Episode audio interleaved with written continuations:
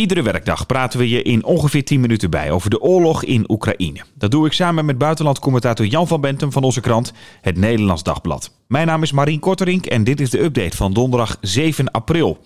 Een klein aantal Oekraïense militairen wordt momenteel in de Verenigde Staten getraind om militaire drones te besturen. Dat heeft defensieminister Austin tegenover het Amerikaanse Huis van Afgevaardigden gezegd. Een woordvoerder van het Pentagon bevestigt de training tegenover de New York Times. De drones zijn ontwikkeld voor Amerikaanse commandotroepen. Ze zijn vanaf enkele kilometers afstand te besturen en kunnen precisieaanvallen uitvoeren op Russische troepen. En Estland wil niet langer gas uit Rusland importeren. Dat heeft de Estse premier Kaja Kallas volgens het Baltische persbureau BNS gemeld. Om het gemis aan Russisch gas op te vangen, schakelt het land samen met Finland over op vloeibaar gemaakt aardgas. Litouwen maakte afgelopen weekend als eerste land van de Europese Unie bekend geen gas uit Rusland meer af te nemen. En ik heb het vandaag met Jan over de rol van ziekenhuizen in deze oorlog. Want volgens de WHO, de Wereldgezondheidsorganisatie, zijn sinds het begin van de oorlog veel ziekenhuizen gebombardeerd. En daar wil ik het graag met je over hebben vandaag. Ehm, even om dat beeld te schetsen. Aan wat voor aantallen moeten we dan eigenlijk denken? Uh, nou, de statistieken zijn geüpdate tot en met 4 april. En uh, op dat moment waren er 91 medische uh, doelen aangevallen. En dat kunnen dus ziekenhuizen, klinieken zijn, maar ook een aantal ambulances is genoemd. Maar het merendeel daarvan zijn ziekenhuizen. En gebeurt dat dan eigenlijk in heel Oekraïne of is het op speciale plekken waar dat gebeurt? Ligt geconcentreerd volgens, uh, nou, bijvoorbeeld de NOS heeft er al een keer naar gekeken. je zag in de oorlog rond Kiev dat daar heel veel ziekenhuizen zijn geraakt. Maar ook rond uh, in, in de Donbass, de Donetsk en Lugansk. Denk aan Mariupol, dat bekende, die bekende aanval op, de, op die kraamkliniek. En in andere steden ook in die regio. Dus dat zijn wel de zwaartepunten. Rond Kiev, en uh, in de Donbass, in het uh, oosten van Oekraïne. Ja, nou zou je kunnen zeggen bijvoorbeeld hè, Mariupol, uh, dat, daar wordt gevochten. Dat kan gebeuren natuurlijk als, als, als er heel veel gebombardeerd wordt, dat een ziekenhuis ook geraakt wordt. Maar dat lijkt geen toeval meer, hè? Nou ja, kijk, hallo. ze hebben bijvoorbeeld op 22 maart bij Ad, Ad, Avdiivka, ik kan het bijna niet uitspreken. Ja, wat, wat is dat? dat is een stadje. En daar hebben zij uh, zogenaamde Tornado uh, uh, precisieraketten gebruikt. Tornado S-systeem. Dat is volgens Rusland zo nauwkeurig dat het bijna tot op een meter nauwkeurig gericht kan worden. Ja, dan kun je dus ook ziekenhuizen vermijden. Hè? En als je dan zeg maar toch een dikke 80 raakt, dan ben je of heel dom bezig, of je bent doelbewust bezig. En dat begint de WHO steeds duidelijker te denken. Die heeft ook al in maart een verklaring afgelegd samen met UNICEF en dergelijke van stop de aanvallen op de gezondheidszorg in Oekraïne. Toen zeiden ze nog niet zwart op wit van jullie doen dit bewust, Mhm. maar inmiddels lijkt dat wel veel sterker het geval te zijn. Ja. En we kregen nog een mail binnen van Artsen zonder Grenzen uh, eergisteren. Toen was er een team, dat was uh, in Mykolaiv, ook een van de aangevallen steden in Donetsk. En um, daar waren ze dus bij een oncologisch ziekenhuis en dat werd aangevallen. En ook vlak daarbij was er een kinderziekenhuis, het regionale kinderziekenhuis. Dus dat verzorgt echt, uh, de zorg geeft aan de hele omgeving. En ook dat werd onder vuur genomen. Ja. Hey. En dat, ja, nou ja, dan zie je dat dus een aantal medische faciliteiten pal achter elkaar te pakken worden genomen. En uh, dat lijkt geen toeval. Waarom zouden de Russen dat doen? Nou ja, als je dan gaat terugkijken, er waren ook al vergelijkbare situaties in uh, Syrië, bijvoorbeeld in Aleppo en ook in de regio Idlib, waar uh, herhaaldelijk ziekenhuizen werden aangevallen. En als dan die ziekenhuizen uitweken naar klinieken buiten het centrum van de stad, werden vervolgens die klinieken aangevallen. Toen is de VN ertoe overgegaan om de coördinaten van gezondheidsklinieken vast te leggen en die door te geven aan zowel de Syrische strijdkrachten als aan Rusland. In die zin van, daar moet je dus wegblijven. En vervolgens werden uitgerekend die instellingen gebombardeerd. Ja. Dus uh, dat zijn ook wel heftige conflicten geweest in de, in de VN, waarbij dus ook de, zeg maar de, de mensenrechtenorganisaties uh, van de VN zeiden van wat, wat is dit? Wij geven jullie de coördinaten door om aanvallen op ziekenhuizen te vermijden en precies die doelen worden vervolgens te pakken genomen. Maar is dat dan wel slim om dat dan te delen? Nou, dat deden ze uiteindelijk ook niet meer. en het leek erop dat het een bericht was, een, gebruikt werd als, als een boodschap aan de bevolking van of je knielt, of we maken op alle mogelijke niveaus het leven voor jullie onmogelijk. Ja. En ook dat zou nu weer het geval kunnen zijn. Als je dus gaat kijken hoe in Mariupol, een stad die zich zo hardnekkig verzet, maar ook Mykolaiv, die de stad waarvan de burgemeester ook heeft gezegd: wij zullen niet opgeven dat daar dus de cruciale gezondheidsinstellingen worden uitgeschakeld.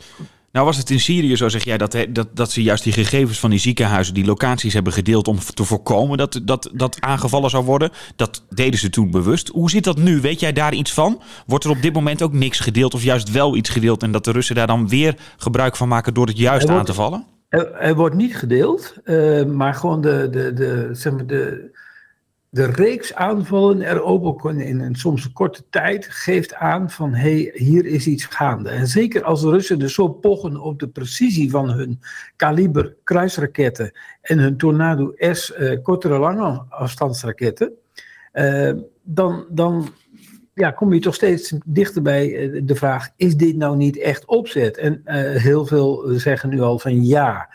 Deutsche Welle bijvoorbeeld, dat is zeg maar de soort wereldomroep in Duitsland, die heeft een mhm. twintigtal van dit soort zaken onderzocht. De Russen zeggen dan uh, soms ook wel van ja, wij moesten dit wel doen, net als bijvoorbeeld dat, uh, die kraamkliniek in Mariupol. Want er zat een bataljon in dat dit gebouw gebruikte om ons te beschieten. Dat is een argument dat, ze vaker gebruiken, hè? bij wijze van spreken. dat ze ook zeggen, de Oekraïners, uh, Oekraïnse soldaten verschuilen zich in dorpen of in steden. En dus moeten we wel. Dus moeten we wel. En kijk, in de Genève conventies, hè, de oorlogs, het oorlogsrecht, is er één voorwaarde dat je eventueel wel op ziekenhuizen zou mogen schieten. En dat is wanneer ze als militaire basis worden gebruikt. Nou, dat zegt Rusland, deden jullie, deden ze ook in, in Mariupol.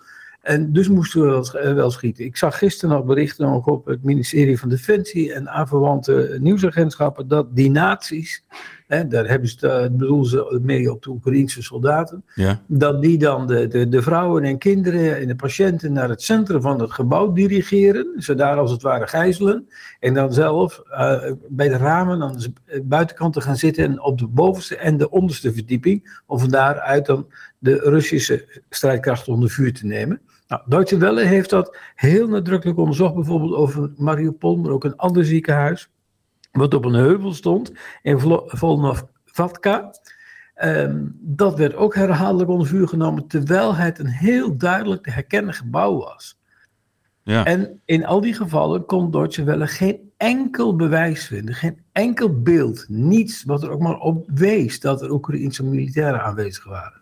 Ja, nou zijn er in een oorlog natuurlijk ook regels, al worden die, nou dat merken we de afgelopen tijd natuurlijk ook wel, ook overtreden. Maar ik kan me voorstellen dat er in oorlogsrecht iets over afgesproken is. Dit is heel duidelijk verboden. Dit is echt heel nadrukkelijk verboden. Maar kan je het bewijzen? Ten eerste moet je uh, burgers zoveel mogelijk uh, beschermen hè, tegen aanvallen. Dus je moet die niet als doelwit gebruiken. Nou, in Bucha zie je dat dat anders is verlopen. En ten tweede, dan zijn gezondheidsinstellingen als ziekenhuizen, die hebben een nog veel hogere graad van bescherming. Daar moet je helemaal afblijven. Maar wat nu uh, net vanochtend is gebeurd, sorry, gisteren is gebeurd, is dat um, de Duitse inlichtingendiensten opnames hebben laten horen in de Bondsdag, aan de Commissie Buitenlandse Zaken en zo, uh, van Russische militairen in Bucha. En daar hebben ze het gewoon met de officieren ook over het neerschieten van die burgers dan zeggen ze niet, jongens, jongens, ze hebben een beetje een fout gemaakt. Nee, ze melden gewoon dat ze een fietser hebben neergeschoten.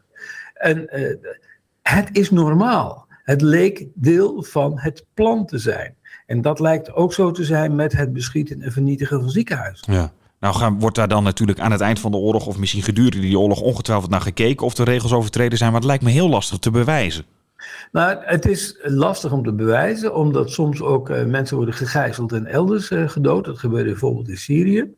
Er is uh, sinds de burgeroorlog in Joegoslavië, met name Kosovo, is er niet meer echt een rechtszaak in dit, op dit terrein ge, ge, gevoerd. Er is wel een zaak geweest van een aanval van Amerikaanse strijdkrachten op een medische instelling in Afghanistan. Dat heeft Amerika zelf onderzocht. Die heeft er ook uitvoerig uh, excuses voor aangeboden. En, uh, nou, maar Rusland ontkent dus vierkant. Erkent op erkent in doen en laten dus niet het humanitaire recht, wat het zelf zegt, te onderschrijven. Ja. Uh, als laatste, uh, wat is de impact van het feit dat die ziekenhuizen bijvoorbeeld onbruikbaar worden om soldaten misschien weer op te lappen? Of onbruikbaar worden voor burgers die nou, te maken hebben met wat dan ook? Nou ja, bijvoorbeeld in dat uh, geval van het ziekenhuis in Volnund Vatka was het al zo dat dus militairen die gewond waren al waren weggestuurd. Omdat ze al op een maximum capaciteit waren voor gewonde burgers. Um, je ontneemt de overlevingsmogelijkheden van de bevolking daar. En die heeft dan geen keus behalve of overgeven of weggaan. En in beide gevallen win jij. En uh, juist, dit lijkt gewoon oorlog via terreur. Het is een heftige situatie in Oekraïne, ook als het gaat om de ziekenhuizen. En uh, nou, die beschoten worden door de Russen. Bewust lijkt het dan op dit moment. Jan, dankjewel voor deze update. En uh, morgen spreken we elkaar weer. Dit was hem voor vandaag. Heb je een vraag voor Jan of wil je reageren? Dat kan via oekraïne.nd.nl. Een nieuwe update staat dus morgen om 4 uur weer voor je klaar.